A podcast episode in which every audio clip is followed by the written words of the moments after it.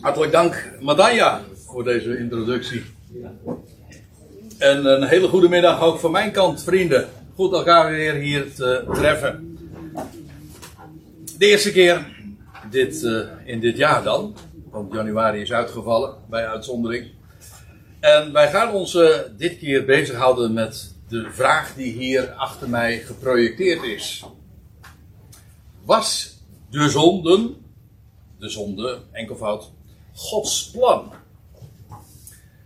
En waarom ik dat woord de zonde tussen aanhalingstekens heb gezet, dat heeft er ook een beetje mee te maken, en dat zal ik later ook wel toelichten, dat uh, onder dat begrip uh, diverse dingen kunnen worden verstaan.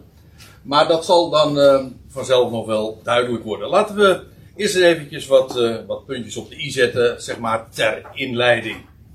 Kijk, als we het hebben over de oorsprong van het kwaad. En soms gebruik ik die woorden zonde en kwaad uh, min of meer als synoniemen van elkaar. Maar alles wat er naar de mens gesproken allemaal misgaat. Uh, wat ligt daarachter? Waar komt dat vandaan? En uh, als je mocht denken dat dat zomaar een huistuin- en keukenvraag is dan vergist u zich deerlijk. Want uh, dit is eigenlijk een van de meest elementaire vragen die men zich ooit heeft gesteld. In feite, een boek als Job gaat daar helemaal over. Uh, waar komt dat vandaan en hoe moeten we dat duiden? En het is een van de grote mysteries, want zo wordt het dan toch benaderd. In niet alleen de filosofie, maar ook met name wellicht in de religie. Gewoon alles wat zich op het moment dat je je vragen stelt over het bestaan en waarom het is zoals het is, en dat is toch, dat is toch het terrein waar zowel de wijsbegeerte als ook godsdienst zich mee bezighoudt, ja, dan stuit je op, op deze kwestie. En om het nou eventjes nog wat dichter bij huis te brengen of te halen, dat ook in het christendom, en dat bedoel ik in zijn breedte, gewoon alles wat onder die naam allemaal uh, onder die vlag zeg maar vaart. Ook in het christendom wordt de vraag uh, zelfs gemystificeerd. Is het niet alleen een mysterie, maar het wordt ook gemystificeerd. En uh, het is met opzet dat ik dat plaatje, dat mistige plaatje er ook onder gezet heb. Want uh, het idee daarbij is, het, het wordt ook expres met opzet vaag gehouden. En de vragen daarover worden ontmoedigd. En als ik dat zo zeg, dan spreek ik ook uit enige er, persoonlijke ervaring. Want ik weet wel dat ik als, uh, als jonge jongen, als hele jonge jongen, ook als categorisatieganger destijds in de christelijk gereformeerde kerk uh, met zulke vragen kwam. En uh, mijn herinnering gaat eigenlijk alleen daar naar terug dat altijd ook, als de predikant daar dan op inging, dat eigenlijk de, de boodschap was, als je die vraag dan voorlegde, van nou, uh, daar moeten we heel erg mee uitkijken om zelfs de vraag te stellen, want uh, dat zou eigenlijk zelfs uh, iets blasfemisch zijn om, om je met zulke grootse vragen bezig te houden. Eigenlijk mag je de vraag niet stellen. En het moet ook een raadsel blijven. En pas veel later ben ik erachter gekomen, toen mijn jonge kinderziel was daar al niet mee tevreden. En als ik dat zo zeg, dan denk ik dat een heel aantal van u dat wellicht zullen herkennen. Maar ja, ik kon daar geen vrede mee hebben. De meest elementaire vraag, daar moet toch een antwoord op zijn. Of in ieder geval iets wat, wat, hart, wat hart en hoofd bevredigt. Van ja, in die richting moeten we het zoeken. Maar de reden waarom men het mystificeert en het altijd in de mist blijft, ja, ik ben er eigenlijk wel achter gekomen. Dat komt omdat er gewoon geen antwoord op is. Of men, daar, nou, uh, men daarop geen antwoord heeft. Kijk, de vraag, zoals in de titel uh, dia ook al gezien werd, uh, was de zonde Gods plan? het wordt ook eigenlijk zo neergezet als een, als een strikvraag. En u weet wat een strikvraag is. Een strikvraag dat is een vraag die je eigenlijk niet kunt beantwoorden. Omdat of je nou met ja of met nee beantwoord, want in feite het is een gesloten vraag. Was het Gods plan? Dan kun je antwoorden ja of nee. Uh, maar in beide gevallen uh, is het antwoord ja of nee onverteerbaar. Dat mag eigenlijk niet. Dat kan ook niet. Kijk, ga maar na. Was de zonde niet Gods plan? Dus het loutere feit dat wat er allemaal mis is gegaan en wat er mis is in de wereld van dood en verderf en ellende die mensen elkaar aandoen, maar het loutere feit dat God dat ook allemaal toelaat kennelijk, dat gebeurt immers. Uh, als dat niet Gods plan is, dan heeft God dit dus of, er zijn twee opties, of, en die in feite ook met elkaar te maken hebben, of niet voorzien. Dus in dat geval praten we over een bedrijfsongeval. Zo zeggen we dat dan een beetje managementtermen. Of hij heeft het niet onder controle gehad. Dus dan heeft hij het wel voorzien, maar hij had daar geen, niets de hand in. Maar u begrijpt wel dat in beide gevallen het antwoord een aanslag is en een ontering is van, van God. Want ja, in het eerste geval is hij namelijk niet alwetend, als hij het niet voorzien heeft. En in het tweede geval is hij niet almachtig, want hij had het niet onder controle. U begrijpt, als je dus de vraag negatief beantwoordt, de zonde, was de zonde Gods plan? Nee. Nou, dan, dan is dat of een aantasting van zijn alwetendheid, of een aantasting van zijn almacht. En dus moet het antwoord ja zijn. En ik zeg daarop inderdaad vanzelfsprekend ja, natuurlijk. We hadden het er in de auto nog even over, samen, samen met mijn broer. Uh, ja, uh, waar hebben we het eigenlijk over? Het is toch nogal logisch.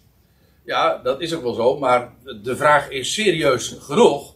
En aangezien het erg uh, in discussie is en, en bestreden wordt en dergelijke, ja, lijkt het me nuttig om, om het onder ogen te zien en de vraag te stellen en uh, ja, de, de, de, Bijbel daarover uh, aan het woord te laten.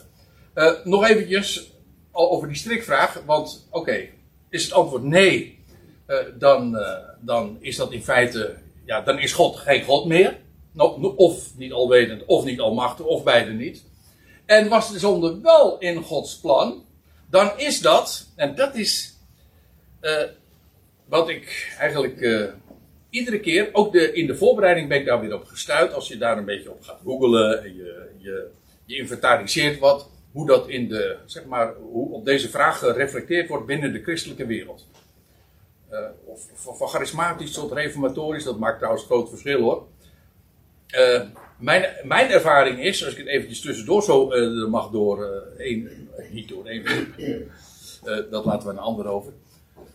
maar eh, eventjes eh, nog zo tussen mag werpen, dat is dat juist in, binnen de reformatorische wereld, waar heel sterk de nadruk gelegd wordt op de soevereiniteit van God, dat wil zeggen, God is de alwetende en de almachtige en eh, een sterke hand die nooit mistast.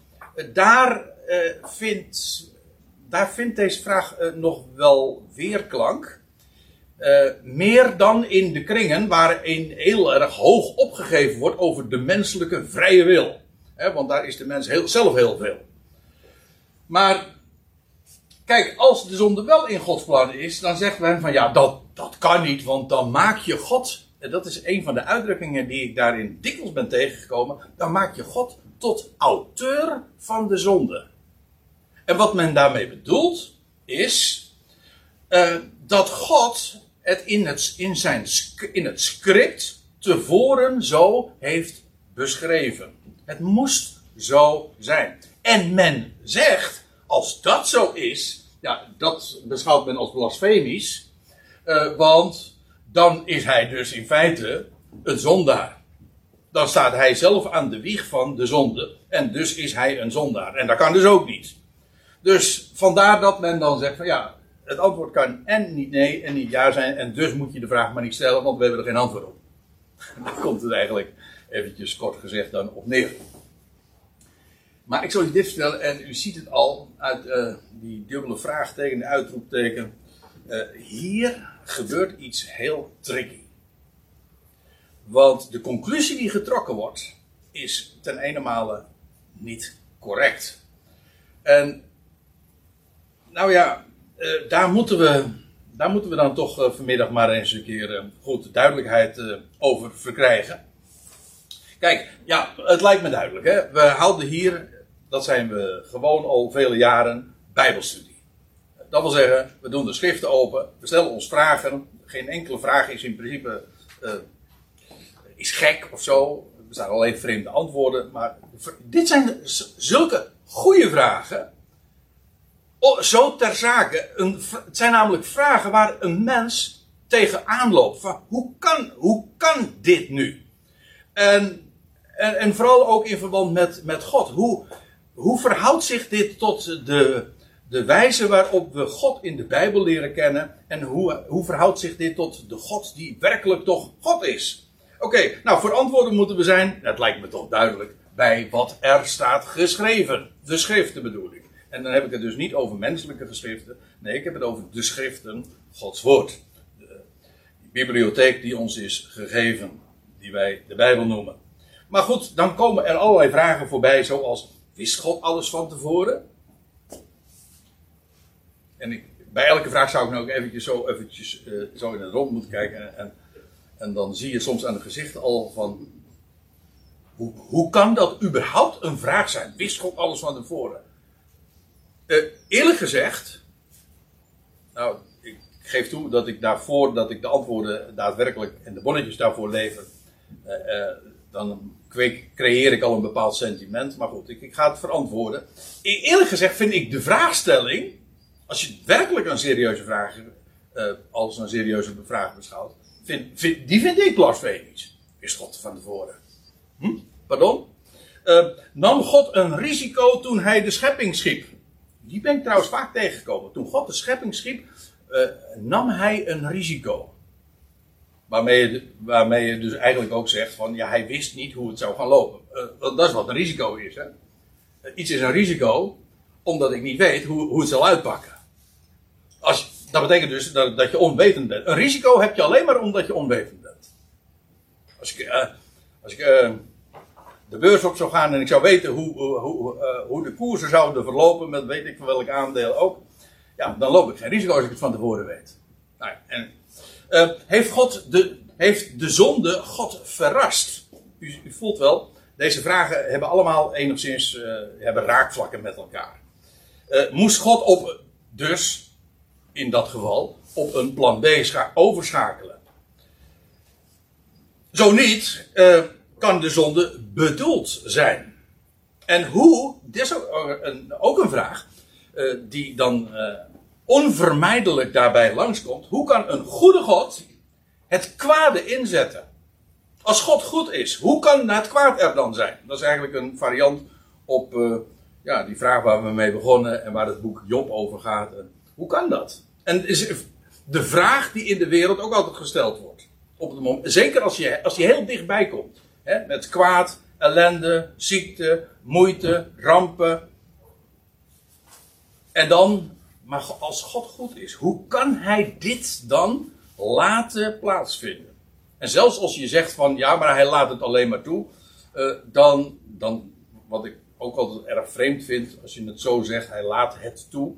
Eh, maar als hij in staat is om het te voorkomen, hm, en hij doet het niet, dan is hij daar toch, menselijkerwijs gesproken, aan medeschuldig. Nee, God medeschuldig? Nou ja.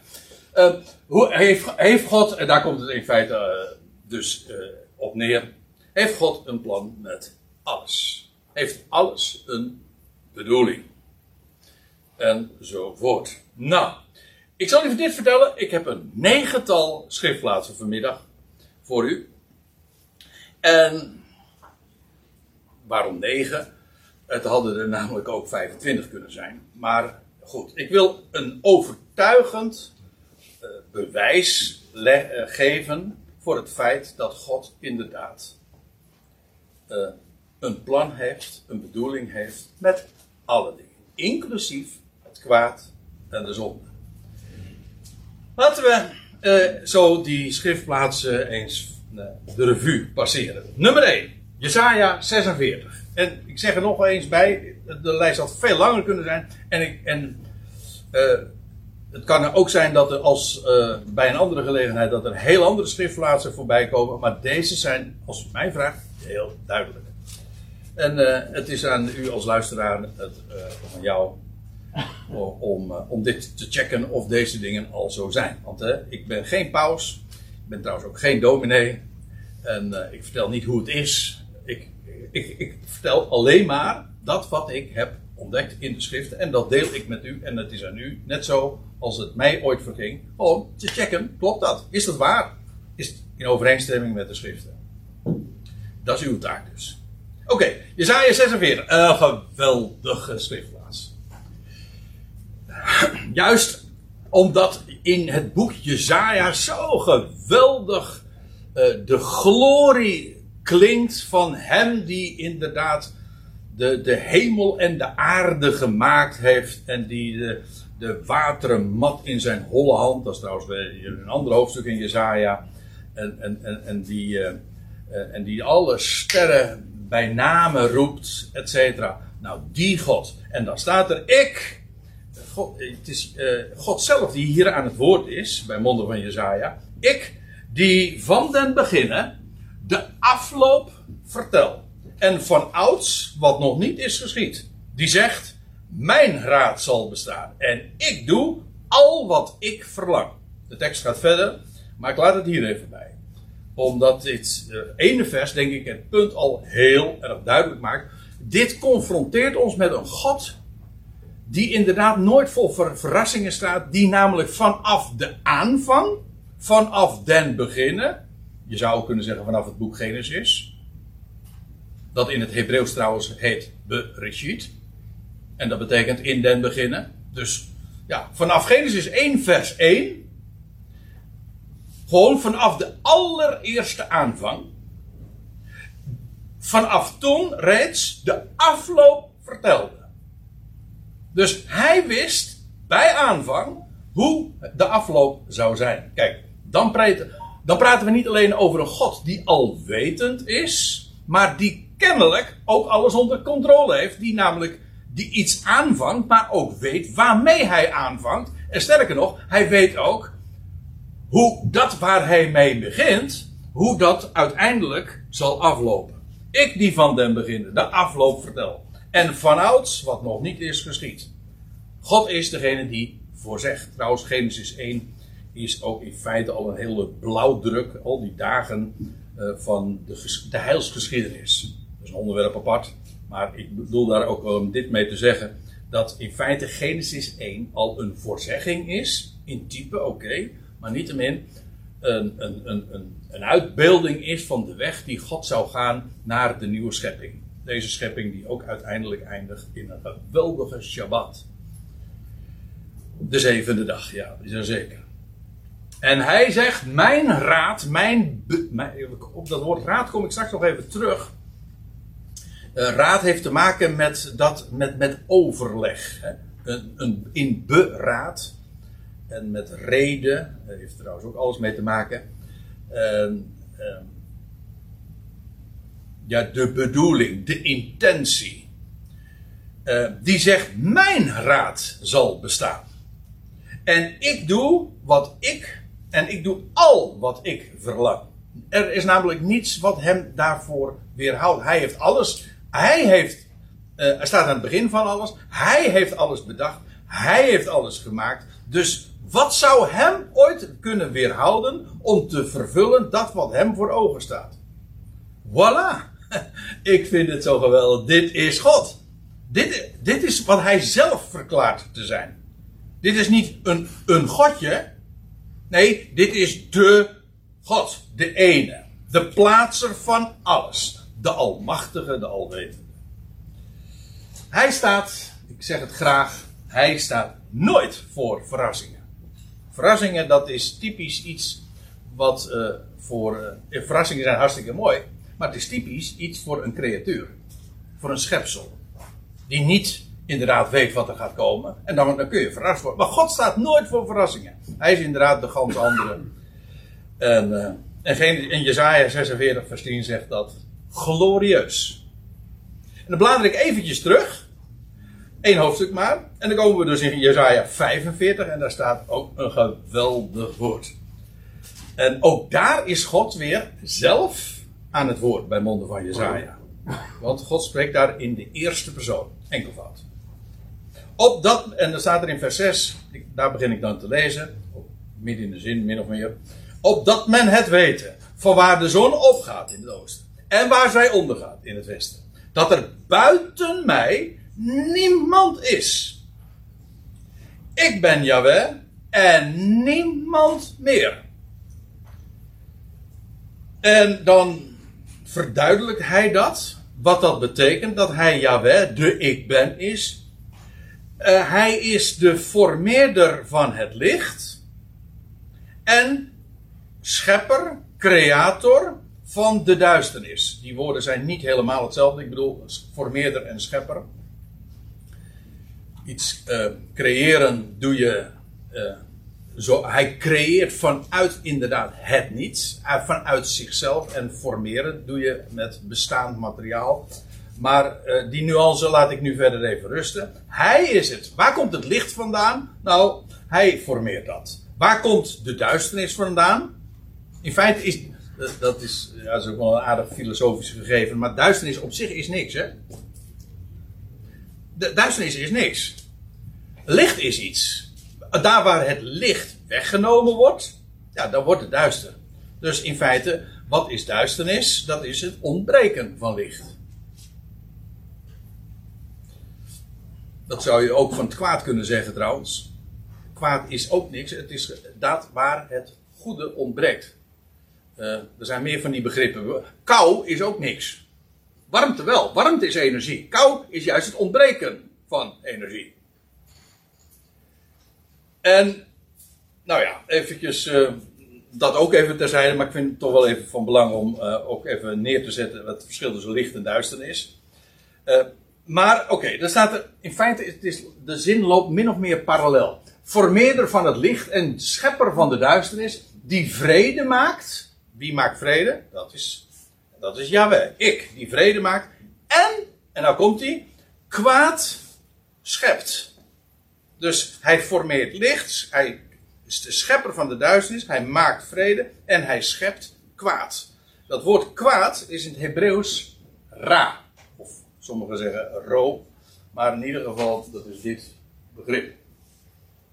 En dat is afgeleid van een werkwoord en dat betekent vermorselen of verpletteren, kapot maken. Vandaar dat kwaad ook uh, die betekent. Het is ook een eh, interessant verschil met het woord zonde. Zonde betekent letterlijk doel missen. Zowel in het Hebreeuws als in het Grieks is dat het geval. Je, je werpt bijvoorbeeld een steen. Ik, refereer aan het boek Geen, uh, Richteren. Je werpt een steen en met een bepaald doel. En als je dat doel bereikt en je raakt het, dan heb je. Dan, uh, ja, dan is het raak. En als je het niet raakt, dan, dan mis je het. Dan, in bijbelse termen zondig je. In feite is dat niet eens een moreel begrip. Het wil gewoon zeggen, je raakt het, je mist het doel. Dat is wat zonde is. Kwaad is trouwens ook niet per se een, moreel begrip. Je maakt iets kapot. En er is soms een tijd van iets eh, maken. En er kan ook een tijd zijn van iets kapot maken. Dat doen we ook, dat doen we ook allemaal. En dan breng je het bij de, bij de vuil, vuilstortplaats of zo. Of je, je sloopt iets. Sommige mensen zijn er erg goed in. uh, maar ja, goed, ja, ieder zo zijn uh, ding. Maar u begrijpt wat ik bedoel. Uh, kwaad heeft inderdaad te maken met vermorselen. En God, in feite, daar waar iets vernield wordt, waar Sodom en Gomorra bijvoorbeeld worden verwoest door, door vuur en zwavel, ja, dat is kwaad. Geschiet er een kwaad in de stad, zon buiten God om, staat er ergens in, uh, in Amos. Uh, je leest heel vaak uh, dat God kwaad doet. als hij bijvoorbeeld zijn gerichten stuurt of zijn oordelen zendt, in een crisis brengt. Crisis betekent trouwens gewoon oordeel. Maar oké, dat is dat woord ra, afgeleid van vermorselen. En waarmee dus gezegd is, ook kwaad is een creatie van God. In feite zou je ook hier weer moeten zeggen, de. Want is er iets dat zichzelf kan creëren? Natuurlijk is het een creatie van God. En uh, dat is ook een hele boeiend gegeven. Uh, kwaad is uh, ook altijd het contrast met goed. En het is zelfs zo, de eerste keer dat het woord kwaad gebezigd wordt in de Bijbel, dat is in Genesis 3, nee Genesis 2. Dan lees je dat God een boom in de hof plaatste, de boom van kennis van goed en kwaad. Het is heel interessant, want het is niet alleen de boom van kennis van kwaad, maar ook de boom van kennis van, van goed. Die twee, kennis van goed, is niet los verkrijgbaar. Die twee, je, als je kennis van het goede krijgt, krijg je de, automatisch kennis ook van het kwade. Want die twee bestaan in. Uh, die, je leert het een slechts kennen in het contrast. Zoals we allemaal weten in alledaagse voorbeelden. Uh, je leert goede dingen pas waarderen, kennen, echt verstaan. Juist door het contrast. Ziekte, als, je, als wij niet zouden weten wat ziekte was, zou u niet in uw hoofd opkomen nee, met letterlijk, niet in uw hoofd opkomen, als het niet zou bestaan, om God te danken voor een gezonde body. Want er is, je, je kent niks anders. Dus je leert dat goed.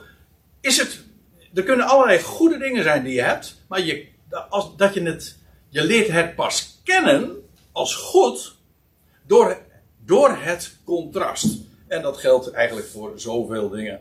Uh, en, uh, dingen bestaan bij contrast. God schept trouwens altijd contrast. Heel Genesis 1 is een en al contrast van hemel en aarde, van licht en duisternis, van dag en nacht, et cetera, et cetera. En goed en kwaad dus ook. En uh, ja, God creëert, daar gaat het hier maar even om. Uh, de vraag dus, waar komt het kwaad vandaan? En dan zegt dan kun je zeggen van nou, dan gaan we, in de, dan gaan we duiken in de filosofie of in boeken, theologische boeken. En, nee, dan zou ik zeggen, luister, leg je oor te luisteren bij de grote God zelf. En die zegt, ik ben het. Die licht formeert, de duisternis schept. En die de vrede maakt en het kwade schept. Ik, Jaweh, doe al deze dingen. Vergis je niet, ik ben het. Ik ben de oorsprong van dit alles. Ja, dit is zo majestueus. Dit is zo'n geweldig antwoord op de vraag: waar komt het kwaad vandaan? Nou, ik zou zeggen: uh, knoop deze in je oren. Jezaja 45, vers 7. Het is geen bedrijfsongeval. Het is niet onvoorzien. God is de creator. En dus, en dat vind ik het geweldige, het kwaad is in goede handen. dat vind ik het geweldig. Het mooiste. En reken maar dat hij het. Een, God is een goede God. En als hij het kwaad inzet, dan doet hij, dat staat ook ergens in de klaagliederen, dan doet hij dat niet van harte. Niet van harte verdrukt hij de mensenkinderen. Hij doet dat wel, maar dat is omdat het noodzakelijk kwaad is. Er zijn zoveel dingen die, uh, die, in zichzelf, die je in zichzelf niet eens wil, maar die noodzakelijk zijn voor het doeleinde dat je hebt. Omdat je, dat van de week, is een heel triviaal voorbeeld hoor, sorry eh, dat ik het eh, er nu eventjes bij deze eigenlijk verheven bijbelversen bij noem, maar gewoon om het te verduidelijken. Ik zwem nogal vaak, om een beetje in shape te proberen te blijven, maar, dat, maar dat even terzijde. maar het gaat erom, ik douche dan koud af. Dat vind ik helemaal niet leuk. Maar ik, eh, ik heb begrepen dat dat uh, erg goed is. Maar weet u wat? uh, van de week, toen stond, dat was in het zwembad en toen, ja, toen raakte ik in gesprek met een paar anderen. Ik zeg, nee, ik vind het eigenlijk helemaal niet leuk. Maar weet je waarom ik het doe? Ik vind het namelijk heerlijk als ik het gedaan heb. en dat geldt trouwens voor meer dingen, die je op zichzelf niet wil. Maar je vindt het wel mooi als het gedaan is. Trouwens, dat geldt voor een heleboel huishoudelijke klussen ook. Hè? Dingen die er, ze moeten gebeuren. En uh, nou ja, waarom doe je ze? Ja, omdat ik ze gedaan wil hebben. Maar om ze gedaan te, te hebben, moet je het eerst wel doen. Hè? Zo. En dat is, ik, ik geef toe, het is heel triviaal. Maar het illustreert wel heel mooi, als het mij vraagt. Uh, er zijn dingen die in, God in zichzelf niet wil. Maar die noodzakelijk, eh, laat ik het zo anders zeggen.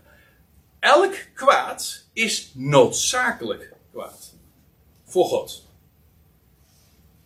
Als het namelijk niet noodzakelijk was, zou een goede God het geen plek geven. Daar is er namelijk God voor. We gaan verder. Spreuken 16. Ah, die is ook mooi. Ik noem een paar. Ja, als u mij vraagt, geweldige highlights hoor. Als het, uh, en uh, geweldige getuigen. Spreuken 16, vers 4. En uh, in deze context, in deze kring, is, is, is die op, langs via andere aanvliegroutes al vaker genoemd. Maar hij blijft, hij blijft ook zo mooi. Hè? Want daar staat dit. Ja, ook zo, met zo'n zo'n vanzelfsprekendheid. Maar ook zo'n zo'n krachtige, haast dwingende logica. Waarin dat naar voren gebracht wordt. Jawel, de Heer, maakt alles voor zijn doel. Alles voor zijn doel. En nou zou je zeggen, ja, want dat, als je hier nou stop, eh, een punt zou zetten, en dan zou je, dan gaat de mens redeneren, zeggen, ja, alles, maar natuurlijk, eh, er zijn ook goddeloze dingen. En, en, en, en, er, zijn eh, er is een dag van kwaad, dat kan hij nooit bedoelen, dat kan hij nooit zo bedoelen. Nou,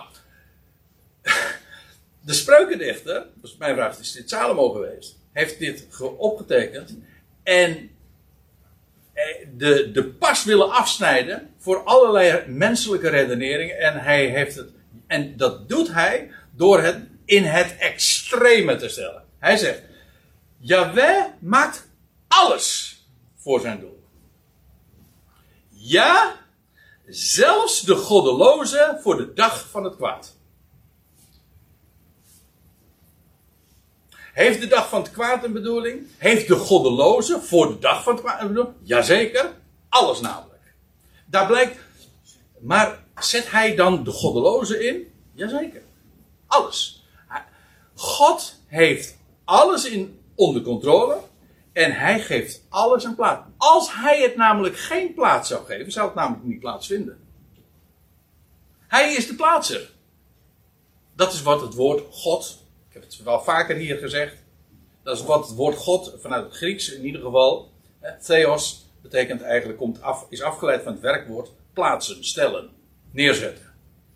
Wel, hij plaatst de dingen in de tijd, in de ruimte. Hij laat het plaatsvinden. Daardoor, eh, omdat hij het een plaats geeft, vindt het een plaats. Mooi hè? Het vindt een plaats omdat de plaatser het een plek geeft. En hij, God verantwoordt zich niet, we zullen dat straks ook wel zien. waarom zou hij?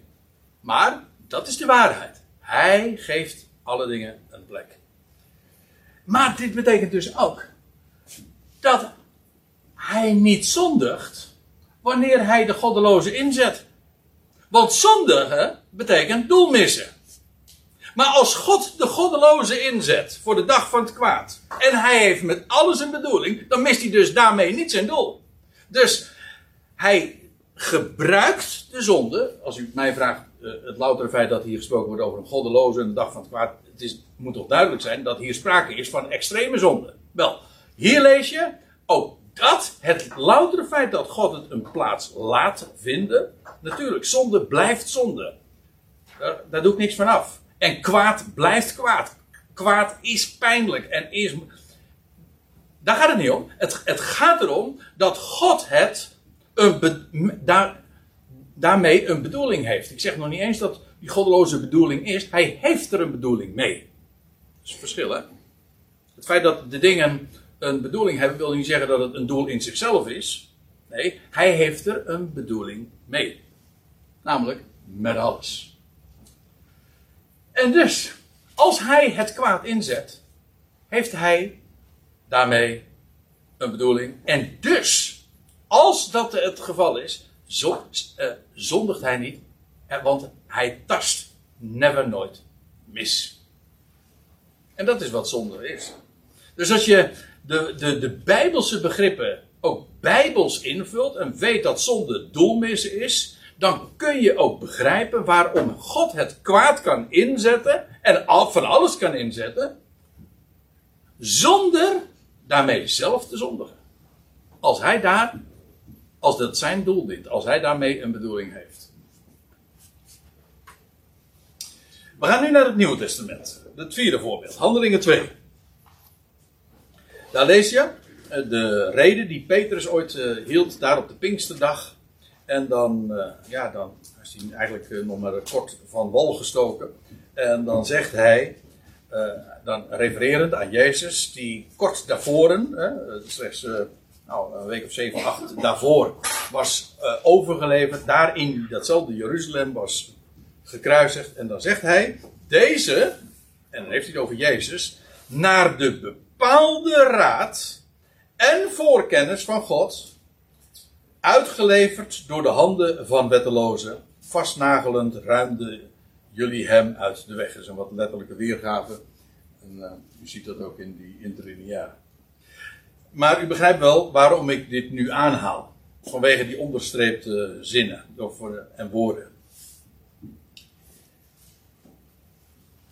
Dat Jezus werd uitgeleverd in de hand van wettelozen, in dit geval ook voor mensen die de wet, de, niet de Torah hadden, overgeleverd door het Joodse volk, notabene door de priesters en de schriftgeleerden, overgeleverd aan Pilatus en uh, wetteloze mensen die de Torah niet hadden. En vervolgens is hij vastgenageld, maar jullie hebben hem eigenlijk op instigatie van, van jullie eigen leidslieden, uh, hem uh, vastgenageld aan een kruis. Maar, nou, nou komt het. Dit is het menselijk aandeel. Jullie hebben hem uitgeleverd. Jullie hebben hem uit de, uit de weg geruimd. Jullie, of door de hand van de wettelozen, hebben hem vastgenageld. Dat is de menselijke kant. Maar er staat hier, dit was naar de bepaalde raad en voorkennis van God. De bepaalde raad, hè, dat woord raad, ik had het er zojuist al even over, dat, dat, eh, dat heeft te maken met beraad, hè, met, met overleg, hè, een beraad, een, een raad in het algemeen. Daar, uh, ja, wat is dat? Dat is een, een een groep van mensen die uh, in, ja, in een raad zitten en met elkaar beraadslagen en redenen hebben om een bepaald beleid uit te voeren. Dat, is dat zit in het woordje beraad. Het heeft te maken met overleg. Het is gepland. Het moest zo zijn. En het is niet alleen maar naar de voorkennis van God. Hij wist niet alleen maar dat dit gebeurde. Het is trouwens ook voorzegd dat dit zou gebeuren. En uh, Petrus gaat later in ditzelfde hoofdstuk er ook nog op in. En later trouwens in het boek Handelingen zien we dat ook zo dikwijls. Uh, het, staat het stond geschreven. God wist het, maar hij heeft het ook al medegedeeld door de profeet dat het zo zou gaan gebeuren. Met alle mogelijke details. Hoe het zou gebeuren, wanneer het zou gebeuren, wat er zou gebeuren, waar het zou gebeuren, etc. Het, hij had God had voorkennis. In feite, dit is wel een geweldig voorbeeld. Want we zien hier, als, als je het toch hebt over de grootste zonde die ooit in de geschiedenis van de mensheid heeft plaatsgevonden. Het grootste kwaad dat ooit is geschieden. Dan hebben we het inderdaad over de, de kruisiging van de Zoon van God. God geeft het beste van hemzelf. En wat doet de mens? de meest religieus bevoorrechte mens, daar in notabene eh, eh, Jeruzalem. Ze slaan hem aan het kruis. Het grootste kwaad, de grootste zonde. En hier staat, het moest zo gebeuren. God wist dit niet alleen, hij had niet alleen voorzegd, het moest ook. Het was naar de bepaalde raad. Het was bepaald. Het was vastgelegd. Trouwens, dit fenomeen, ja, daar hebben we natuurlijk vele voorbeelden van. Maar ik moet dan met name ook denken aan de geschiedenis van Jozef, die ook uh, verkocht werd door zijn broers naar Egypte. En, maar we weten allemaal hoe het gegaan is. hoe hij, als hij zich aan zijn broeders bekend maakt en, zijn broeders dan uh, ja, terugdeinzen van schrik, dan zegt Jozef, ja, denk nou niet dat uh, jullie mij hierheen hebben, dat jullie mij hierheen verkocht hebben. Dat was wel zo. Maar dan staat er van, God heeft mij voor jullie uit, uitgezonden om jullie in leven te houden. Dus die dat hele menselijke aandeel mag dan waar zijn. Maar God overroelt het als het ware. Zeg maar, het echte, de echte reden waarom dit plaats heeft gevonden en moest vinden. Dat is omdat God dit zo gedaan heeft. Hij is, en ik zeg het Matanja graag na, de grote regisseur. Hij heeft het script in handen. En inderdaad, hij, ja, de, hij is de auteur. Hij is de creator. dat is toch wat een auteur ook doet. Hè? Een auteur creëert een wereld. En, en, en, hij laat niks aan toeval. Als hij een goede schrijver is, laat hij ook niks aan toeval over. Hij, hij, een script bestaat altijd, ook een filmscript, en bestaat altijd uit een setup. En dan krijg je het grote drama. Ja, maar ook uh, de, de, de, de finale. Hè? De, als het een goede film is, een goed boek, een happy end. Nou, dat is, dat is, dat is de grote auteur, de grote regisseur. Hij, dit, dit wat er plaatsvindt, we zitten nu nog midden in het drama. Ja, maar is het staat allemaal in het script. En wat zullen we aan het einde? Heel de schepping valt op de knieën als de uitkomst duidelijk zal zijn. Voor iedereen. Onmiskenbaar. Kijk, dat kun je alleen maar zeggen als je een God hebt. Die werkelijk alles in de hand heeft en plaatst en aan de touwtjes trekt. Ja. Nog een tekst. Handelingen 17. Uh, ja, daar uh, lees je dat Paulus op de Areopagus is, in Athene zich bevindt. En dan wordt hij door een aantal filosofische scholen, Epicureërs en Stoïcijnen, wordt hij naar voren geroepen. En dan mag hij zijn verhaal doen. Nou, dat uh, hoeft hij maar één keer te vragen. En dat doe je graag. En dan zegt hij van ja. en nou, dan begint hij van ja, ik zag een, een beeld ik zag een lege sokkel. en er stond dan ook de inscriptie aan de onbekende God. Nou, hij zegt die God, die jullie niet kennen, die predik ik jullie. En, uh, nou, dan gaat, en dan zegt hij, hij is de schepper van hemel en aarde. En nou, geweldige dingen. Hij zegt eh, ook dat hij de, de, de, tijden en de grenzen van de mensen en de volkeren heeft bepaald. Echt ook God als de ene, de grote plaatser, beschrijft hij zo voor dat Griekse publiek. En dan zegt hij, en nou begin ik te lezen zo midden in de zin, vers 25. En, en, en dan heeft hij het over God wordt ook niet door mensenhanden behandeld. Zoals al die beelden die daar stonden. Die staat trouwens in het Grieks. Het woordje therapeio. Ik vond het te interessant om, uh, om niet te vertellen. Uh, eigenlijk therapeio komt ons woord therapie natuurlijk vandaan. En dat betekent eigenlijk een behandeling. Maar God, God hoeft niet behandeld te worden. Hè? Nee, zoals al die beelden. Die, die, nee, hij zelf de creator alsof hij iets behoevend is. En dan staat er, hij zelf geeft aan allen. Wie zijn dat? Nou, dat is iedereen dus. Hij zelf, hij zelf geeft aan allen leven, adem. En mocht ik uh, nog iets uh, niet genoemd hebben, zegt Paulus, eventjes parafraserend, alles. Met andere woorden, het is waar wat uh, een kinderliedje zegt. Alles wat ik heb, dat heb ik van mijn vader. En alles wat ik ben, dat ben ik door mijn Heer. Ja, door wie? Ik heb mezelf niet gemaakt. Wie trouwens, wie heeft zichzelf wel gemaakt? Met al je, met al je hebbelijkheden en ook met al je onhebben. Er is één schepper. Eén creator. En het werk is nog niet af, God zij dank. En daarom, mogen, daarom zou je het ook nog niet beoordelen. Elk oordeel dat we nu al geven over, over waar God mee bezig is, een vooroordeel. Letterlijk. Want het werk is nog niet af. Je, je, je kunt een boek en een film of een kunstwerk mag je pas beoordelen als je het, als je het eind, hè? Als je het eind gezien hebt. En zo is het met Gods werk. Gods werk is nog niet af. Still in progress. Hij, is, hij is zijn werk aan het volbrengen, maar dat duurt nog enige ionen. Wacht maar. Stil maar, wacht maar. Hij geeft aan allen leven, adem, alles. Niets van onszelf. Hij is de creator. Romeinen 5. We gaan nu naar de Romeinenbrief. Daar blijven we trouwens. Romeinen. Oh, dat is ook. Het boekje Zaja. Dat is een kroongetuige als het gaat om de, de, de soevereiniteit van, van God als de plaatser en regisseur. Maar de Romeinenbrief, lieve mensen. Nou, dat uh, doet daar niet van onder hoor. Op een heel andere wijze. Maar uh, dan staat er dit. Uh, Romeinen 5, daar begin ik even mee. Romeinen 5, vers 19. Nee, niet vers 18, vers 19. Hoewel vers 19 voortborduurt op vers 18, want het begint met want. En legt daarmee dus uit, of wat in het voorgaande vers stond. Want, net zoals door de ongehoorzaamheid van de ene mens, en mocht u nog niet duidelijk zijn, dat gaat over Adam, wat trouwens in de voorgaande versen uh, al beschreven stond.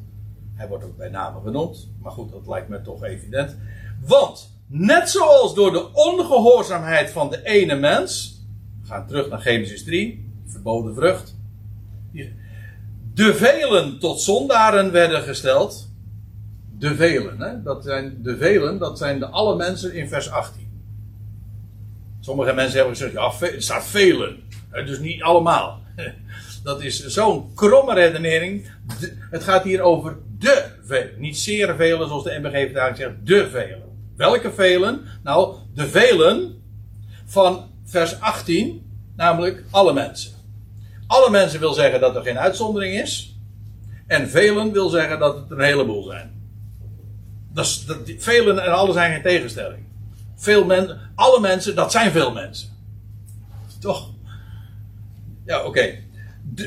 Zoals door de ongehoorzaamheid van de ene mens de velen tot zondaren werden gesteld uh, ik wijs er even op. De NBG-vertaling is niet correct. Die, staat, zegt hier geworden. Dat alle mensen geworden zijn. Het is veel te zwak. Er staat namelijk een, letterlijk een woord dat betekent ja, uh, neergezet. Ze werden daar gewoon geplaatst, gesteld. En het is ook een passieve werkwoordsvorm. Um, zeg ik het goed? Ja. Het is een passieve werkwoordsvorm. En dat wil zeggen, uh, ja, hoe komt het, laat ik het zo vragen. Hoe komt het dat u en ik, wij allemaal en al die miljarden mensen, allemaal doelmissers zijn? Want dat is wat het woord zondaar dus betekent. En we zijn ook allemaal stervelingen. Is dat een eigen keuze? Nee. Dat was, dat was namelijk al zo toen u nog in de wieg lag. En ik ook. Ja, dat, is een feit. Dat is, geen, dat, is niet aan ons gevraagd. Er is ook niet aan ons gevraagd of we geboren wilden worden. Wat trouwens een vrij absurd idee is, maar goed. Uh, u snapt, ja, wat wordt eigenlijk wel aan ons gevraagd? Wat hebben we wel in de hand? Nou, eigenlijk zo goed als niks. En waarvan we denken dat we het in de hand hebben, zelfs dat is nog niet zo. Oké. Maar we werden tot zondaren gesteld. Dus als je nou vraagt, hoe komt het? Hoe komt het nou dat u en ik zondaar zijn? Nou, we zijn zo neergezet. En of, en of je zegt, ja, maar dat vind ik niet eerlijk. Ja, eh, nou en? Alsof dat wordt naar uw me of naar mijn mening gevraagd. We zijn zo neergezet. We zijn er. Het is een gegeven. En voordat je nou dan daarover zou gaan mokken, lees dan even de zin door. Want dit, prijs God dat dit zijn werk is. Het is zijn regie. Want er staat zo, want de vergelijking is nog niet, uh, is nog niet gemaakt, hè? alleen het eerste deel. Zoals door de, door de ongehoorzaamheid van de ene mens de velen tot zondaren werden gesteld. Door middel van Adam is dit zo, heeft God dit zo bewerkt. En ons allen en al zijn nakomelingen, al die duizenden jaren zo neergezet. Zondaars ben je, sterveling ben je. Een grote zondaar of een grote of een kleine zondaar maakt allemaal. Je bent een zondaar. We bederven de heerlijkheid God. We komen tekort. Je bent allemaal gezakt. Oké, zo zijn de velen tot zondaren werden gesteld, uh, de velen tot zondaren werden gesteld, zo, en nou wordt de vergelijking afgemaakt, zo zullen ook door de gehoorzaamheid van de ene, de tweede mens, de laatste Adam, waarvan Adam een, een, beeld was, die, hij was een beeld van de komende. Zo zullen ook door de gehoorzaamheid van de ene, de velen, dezelfde velen, namelijk alle mensen, tot rechtvaardigen worden gesteld. Hier staat weer exact hetzelfde woord, werkwoord, alleen dan in de toekomende tijd. Worden gesteld. Het eerste heeft al plaatsgevonden, het tweede is nog bezig. Ook weer zo worden we neergezet. Ook hier wordt niet gevraagd wat we daarvan vinden. Dit is Gods plan. God heeft een plan met het feit dat hij de hele mensheid tot zondaar stelt. Waarom? Of waar, nou, niet waarom is zozeer hier de vraag, maar uh, dat doet hij op dezelfde wijze als dat hij uh, ook heel de mensheid tot rechtvaardig gaat stellen. Dat is een gegeven. En uh, zo zie je, het evangelie is, is, het is gewoon een mededeling. Het is een bericht. Dit is, ook, dit is geen aanbod. Dit is, dit is feit. Dit is de mededeling. En ja, laat het klinken. Vertel het maar. Dit is ook niet afhankelijk van onze reactie. Ja, sommigen geloven het, de meesten niet trouwens. Nou, de meesten, laat ik het zo zeggen, de meesten horen dit ook helemaal niet.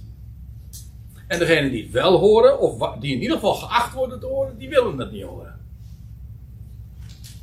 Nee, ik ga dat nu verder niet uitleggen, maar probeer het maar eens uit. Bij dat publiek waarvan je zou zeggen van nou, die zal hier wel erg blij mee zijn. Het maar eens een keertje testen. Oké.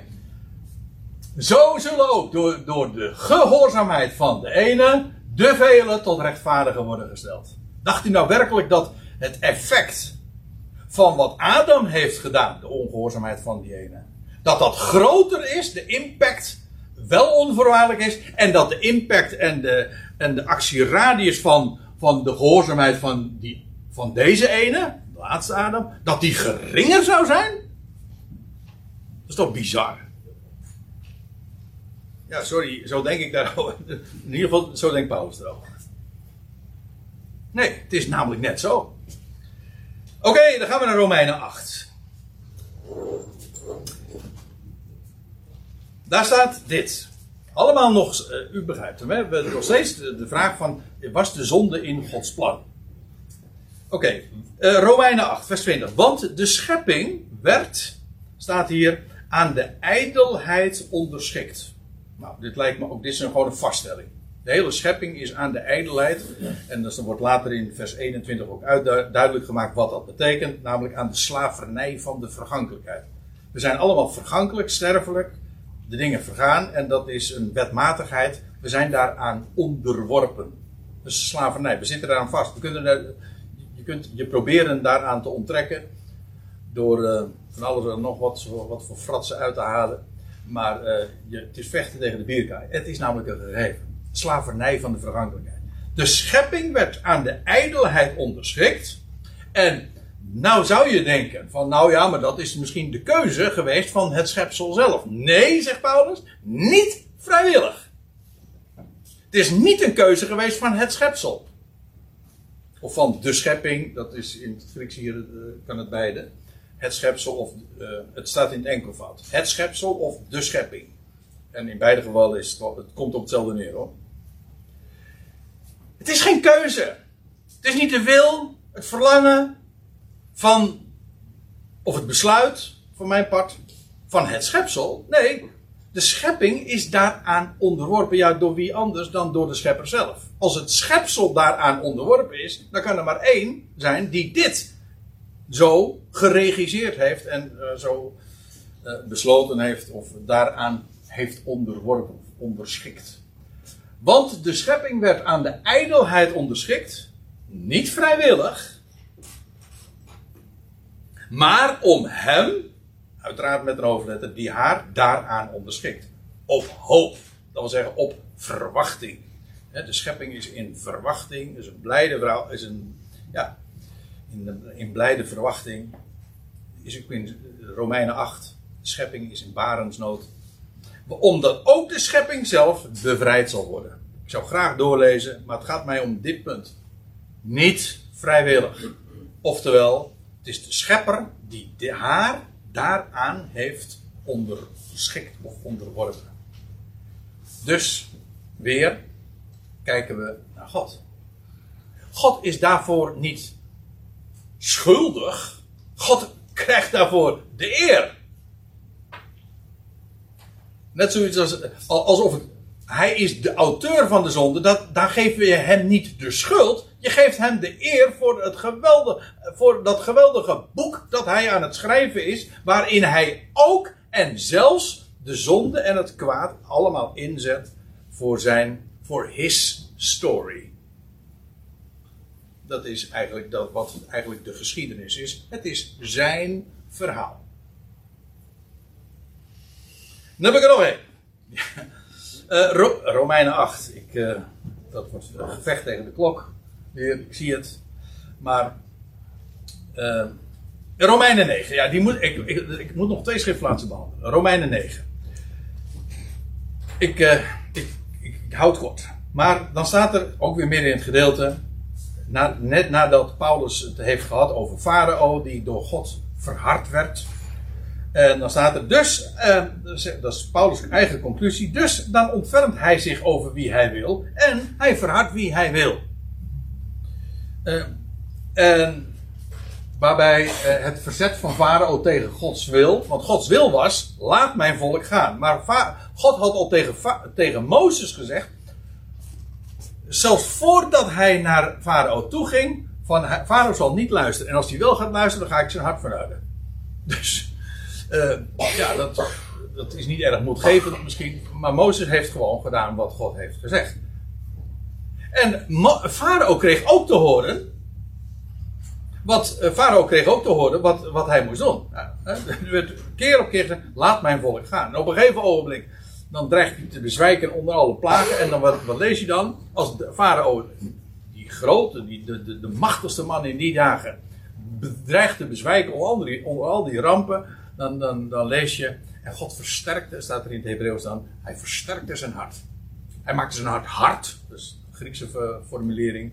Hij maakte hart zodanig dat hij weer, uh, weer, weer verder kon gaan met uh, nee zeggen tegen God.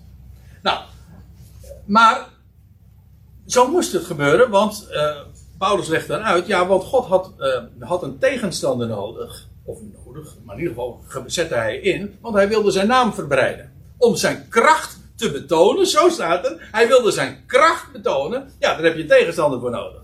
Toch? Als jij, als jij, als jij goed bent in schaken en je wil dat bewijzen, dan heb je een, dan heb je een tegenstander. heb je het weer? Contrast. God werkt altijd door contrast. En dat is ook met het demonstreren van kracht.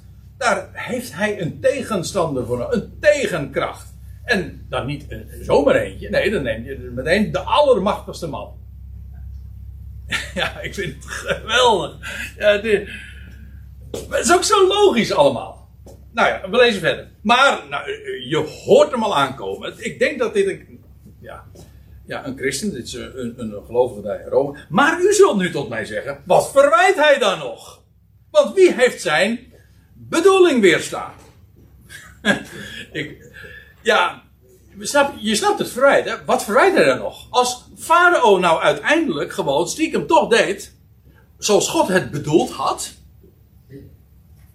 wat kon God dan Farao nog verwijten? Farao deed niet wat God wilde. Nee, maar het was wel de bedoeling van God dat Farao nee zou zeggen. Daarom verhardde hij zijn hart ook. Dus de vraag is zo logisch. Wat verwijt hij dan nog? Nou, uh, ja, en dan nog, wie heeft zijn bedoeling weerstaan? Ik moet eventjes er uh, voor de goede orde op wijzen. Hier staat niet wat de NBG en de Statenvertaling hebben wil. Staat er niet. Boulema. Boulema staat daar. Precies. Het beraad. De raad van God twee zijn, dat zijn twee verschillende begrippen. In Efeze 1, vers 11, makkelijk onthouden, dan worden beide begrippen uh, in één zin, in één frase genoemd. God die werkt in het al naar de raad, boulema, van zijn wil. Twee woorden. Hier wordt het woordje, dit woord gebruikt.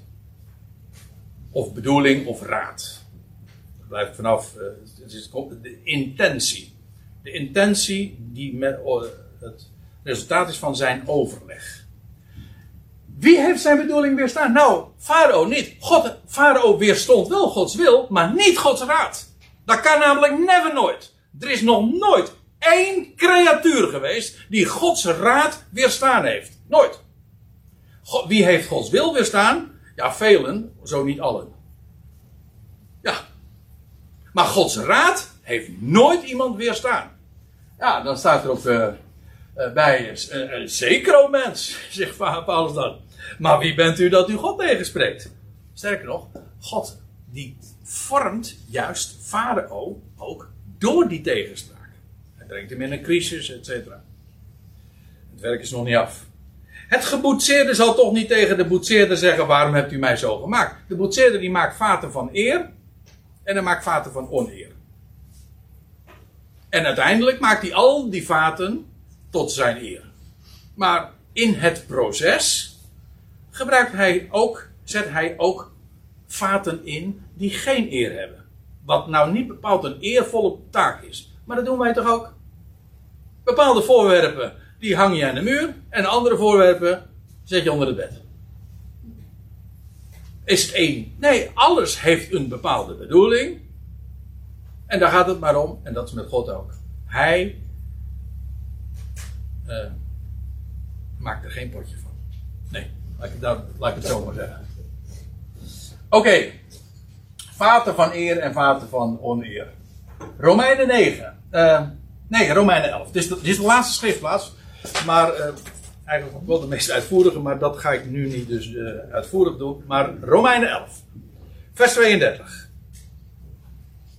Ja, ik hoop dat, ik, u, dat u inmiddels wel overtuigd bent van het feit dat God inderdaad de, de regisseur is, de, de, degene die is, die alles naar zijn plan gebruikt, inzet en dat hij nooit voor verrassingen staat. En dat, dat uh, de hele geschiedenis zijn, his story is. Oké, dan komen we bij Romeinen 11. Paulus heeft net een paar hoofdstukken lang heeft hij het gehad over het, het Joodse nee tegen de Messias. Over het, de vol van Israël, het feit dat ze vijanden zijn van het evangelie. Jawel, zegt Paulus, maar dat is, daar heb je het weer. Hij heeft hun een geest gegeven om niet te zien en oren om niet te horen. En hij heeft een, hij heeft een geest van diepe slaap uh, over hen gelegd. Dat doet God. En dan staat erbij, ja, maar dat is, op, want door hun val is het heil naar de natie gegaan. Dus heb je het weer? Dat is, mag dan op zichzelf kwaad zijn, maar het is juist, God heeft daar een bedoeling mee. Maar uiteindelijk, en dat is wat Paulus dan zegt, hij zegt deel je een geheimenis mee. Hij zegt, uh, een gedeeltelijke verhouding is dan over Israël gekomen, maar dat heeft een totdat. Want God gaat namelijk alles op zijn tijd en wijze rechtzetten. Daar is hij God voor. Hij maakt geen fouten. En dan zegt hij, en dan komt hij uiteindelijk bij zijn conclusie in, uh, aan het einde van Romeinen 11. En dan zegt hij, want God sluit allen op in ongezeggelijkheid. Had hij trouwens in Romeinen 3 ook al gezegd hoor, in feite. Want alle zondigden en derven de heerlijkheid Gods. Allen zijn opgesloten in ongezeggelijkheid. Dit woord wordt hier, uh, wordt een woord gebruikt dat in, uh, in Lucas 5 eh, in verband met vissen in een net gebruikt wordt. Die, zitten, ze zijn opgesloten. Ze kunnen geen kant uit. Ik dacht, ik moet de vergelijking dan toch maar even in maken. Hè? Ze, ze, kunnen er niet uit, ze zijn opgesloten. Allen. God heeft allen in ongezeggelijkheid of in weerbarstigheid of in ongehoorzaamheid, zegt de Statenvertaling geloof ik, uh, opgesloten. Oké. Waarom? Waarom heeft Eerst even deze vraag. Wie heeft dat dus gedaan? Hoe komt het dat de mensheid in ongezeggelijk is? Zondaren zijn. Hoe komt dat? God sluit allen op. En of u zegt, ja, maar dat is heel onorthodox, want de dominee zegt. Dit is wat de schrift zegt. Zo luid, zo duidelijk, zo logisch ook. Dit is wat de, het mag dan misschien heel erg uh, ja, onorthodox klinken of zo. Of, dat is waar. Maar de schrift is hier volstrekt helder in. Maar het is zo geweldig. God sluit allen in, op in ongezeggelijkheid. Maar op dat, want hij heeft met alles een bedoeling, opdat hij zich over allen zou ontfermen. En dat betekent dus dat al die ongezeggelijke creaties van hem, die worden zo, daar is geen uitzondering op, want allen zijn daarin opgesloten. Zo, allemaal, stuk voor stuk, niemand uitgezonden, worden allemaal meegenomen. En hij ontfermt zich over allen. Ook die farao ooit. Door crisissen heen en oordelen, allemaal tot je dienst. Maar dat doel, dat eindresultaat, staat als een huis. Als een rots. Ja, dan, dan valt Paulus als het ware op zijn knieën. Want dan, dan deze, eigenlijk als je dit, als je zo over de dingen uh, gedacht hebt en de schriften geopend hebt. En als dit zo ja, aan, aan je hart gebracht wordt dan kan je nog maar één ding doen. Wauw. Wat een immense God. O diepte van rijkdom, van wijsheid en kennis van God. Dit verzin je toch niet? Zo groot, zo wijd, zo alomvattend, zo universeel. Maar ook wat een intelligentie, hoe hij alles inzet.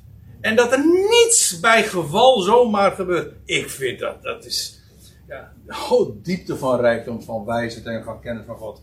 Hoe onnavorstbaar zijn zijn oordelen. Daar heb je dat woord, crisis. Crimata, oordelen, maar ons woordje ja, crim, maar ook uh, crime en crisis. Het heeft allemaal mee te maken. Hij brengt de dingen in een crisis. Het is onnavorstbaar. En het is ook onnaspeurlijk de wegen die hij gaat. Jawel, dat zeker. Dat, is, dat gaat ver boven ons verstand uit. Maar het zijn zijn wegen. Het zijn zijn oordelen. Wie kende het denken van de Heer? En wie werd zijn adviseur? Alleen, ik vind eigenlijk, het is haast, het is gewoon haast komisch. Wie heeft God eventjes gezegd, zo moet u het doen? Kleine, kleine creaties. We stellen helemaal niks voor. Hij blaast en we zijn er niet meer. En wij zullen eens even vertellen dat hij uh, hoe hij het doet. Of dat hij, hij zei: Ik ben het. Ik en geen ander. En ik maak geen fouten. Wie kende het denken van de Heer? Wie werd zijn adviseur? Of wie heeft hem eerst gegeven, aan hem eerst gegeven, en waarvoor hij zal worden terugbetaald? Alsof God verantwoording schuldig is aan wie dan ook. In die zin is God trouwens ook niet verantwoordelijk. Als u begrijpt wat ik bedoel. Ik bedoel, hij is geen verantwoording schuldig aan ons. Nee, hij is soeverein. En hij hoeft niks terug te betalen, want hij, bij hem komt alles vandaan. Oh nee, is dat zo? Ja, dat is dan het laatste vers wat ik wil laten zien. Want vanuit hem en door hem en tot in hem zijn alle dingen. Tapanta. Tapanta. Het al. Alles. Uit hem het verleden. Door hem het heden. Tot in hem de toekomst. Of om even de, te spreken in de termen van, van een script of van een auteur. De setup. Het drama. En de finale. Alles is in zijn hand. Hij. Het komt allemaal uit hem voort. En het wordt ook door hem geregisseerd. En het zijn zijn wegen door, diep, door diepten heen en hoogten en onnavorstbaar en, en door oordelen heen. Jawel, maar het is uit hem. Het is ook door hem. En het leidt ook weer, net zo goed als alles uit hem voortkomt, komt alles ook weer bij hem uit. Tot in hem. Dus, ja, er gaat nooit bij God iets mis. Want het is uit hem, het is door hem en het is dus ook weer tot in hem. Dat zijn alle dingen. En begrijpt u dan waarom Paulus dan zegt aan het einde: aan hem de heerlijkheid. Aan hem. Aan wie anders dan aan hem de heerlijkheid. Tot in de Ionen. Al die wereldtijdperken die ook nog gaan komen. En dan kan maar één ding gezegd worden: Amen. Amen.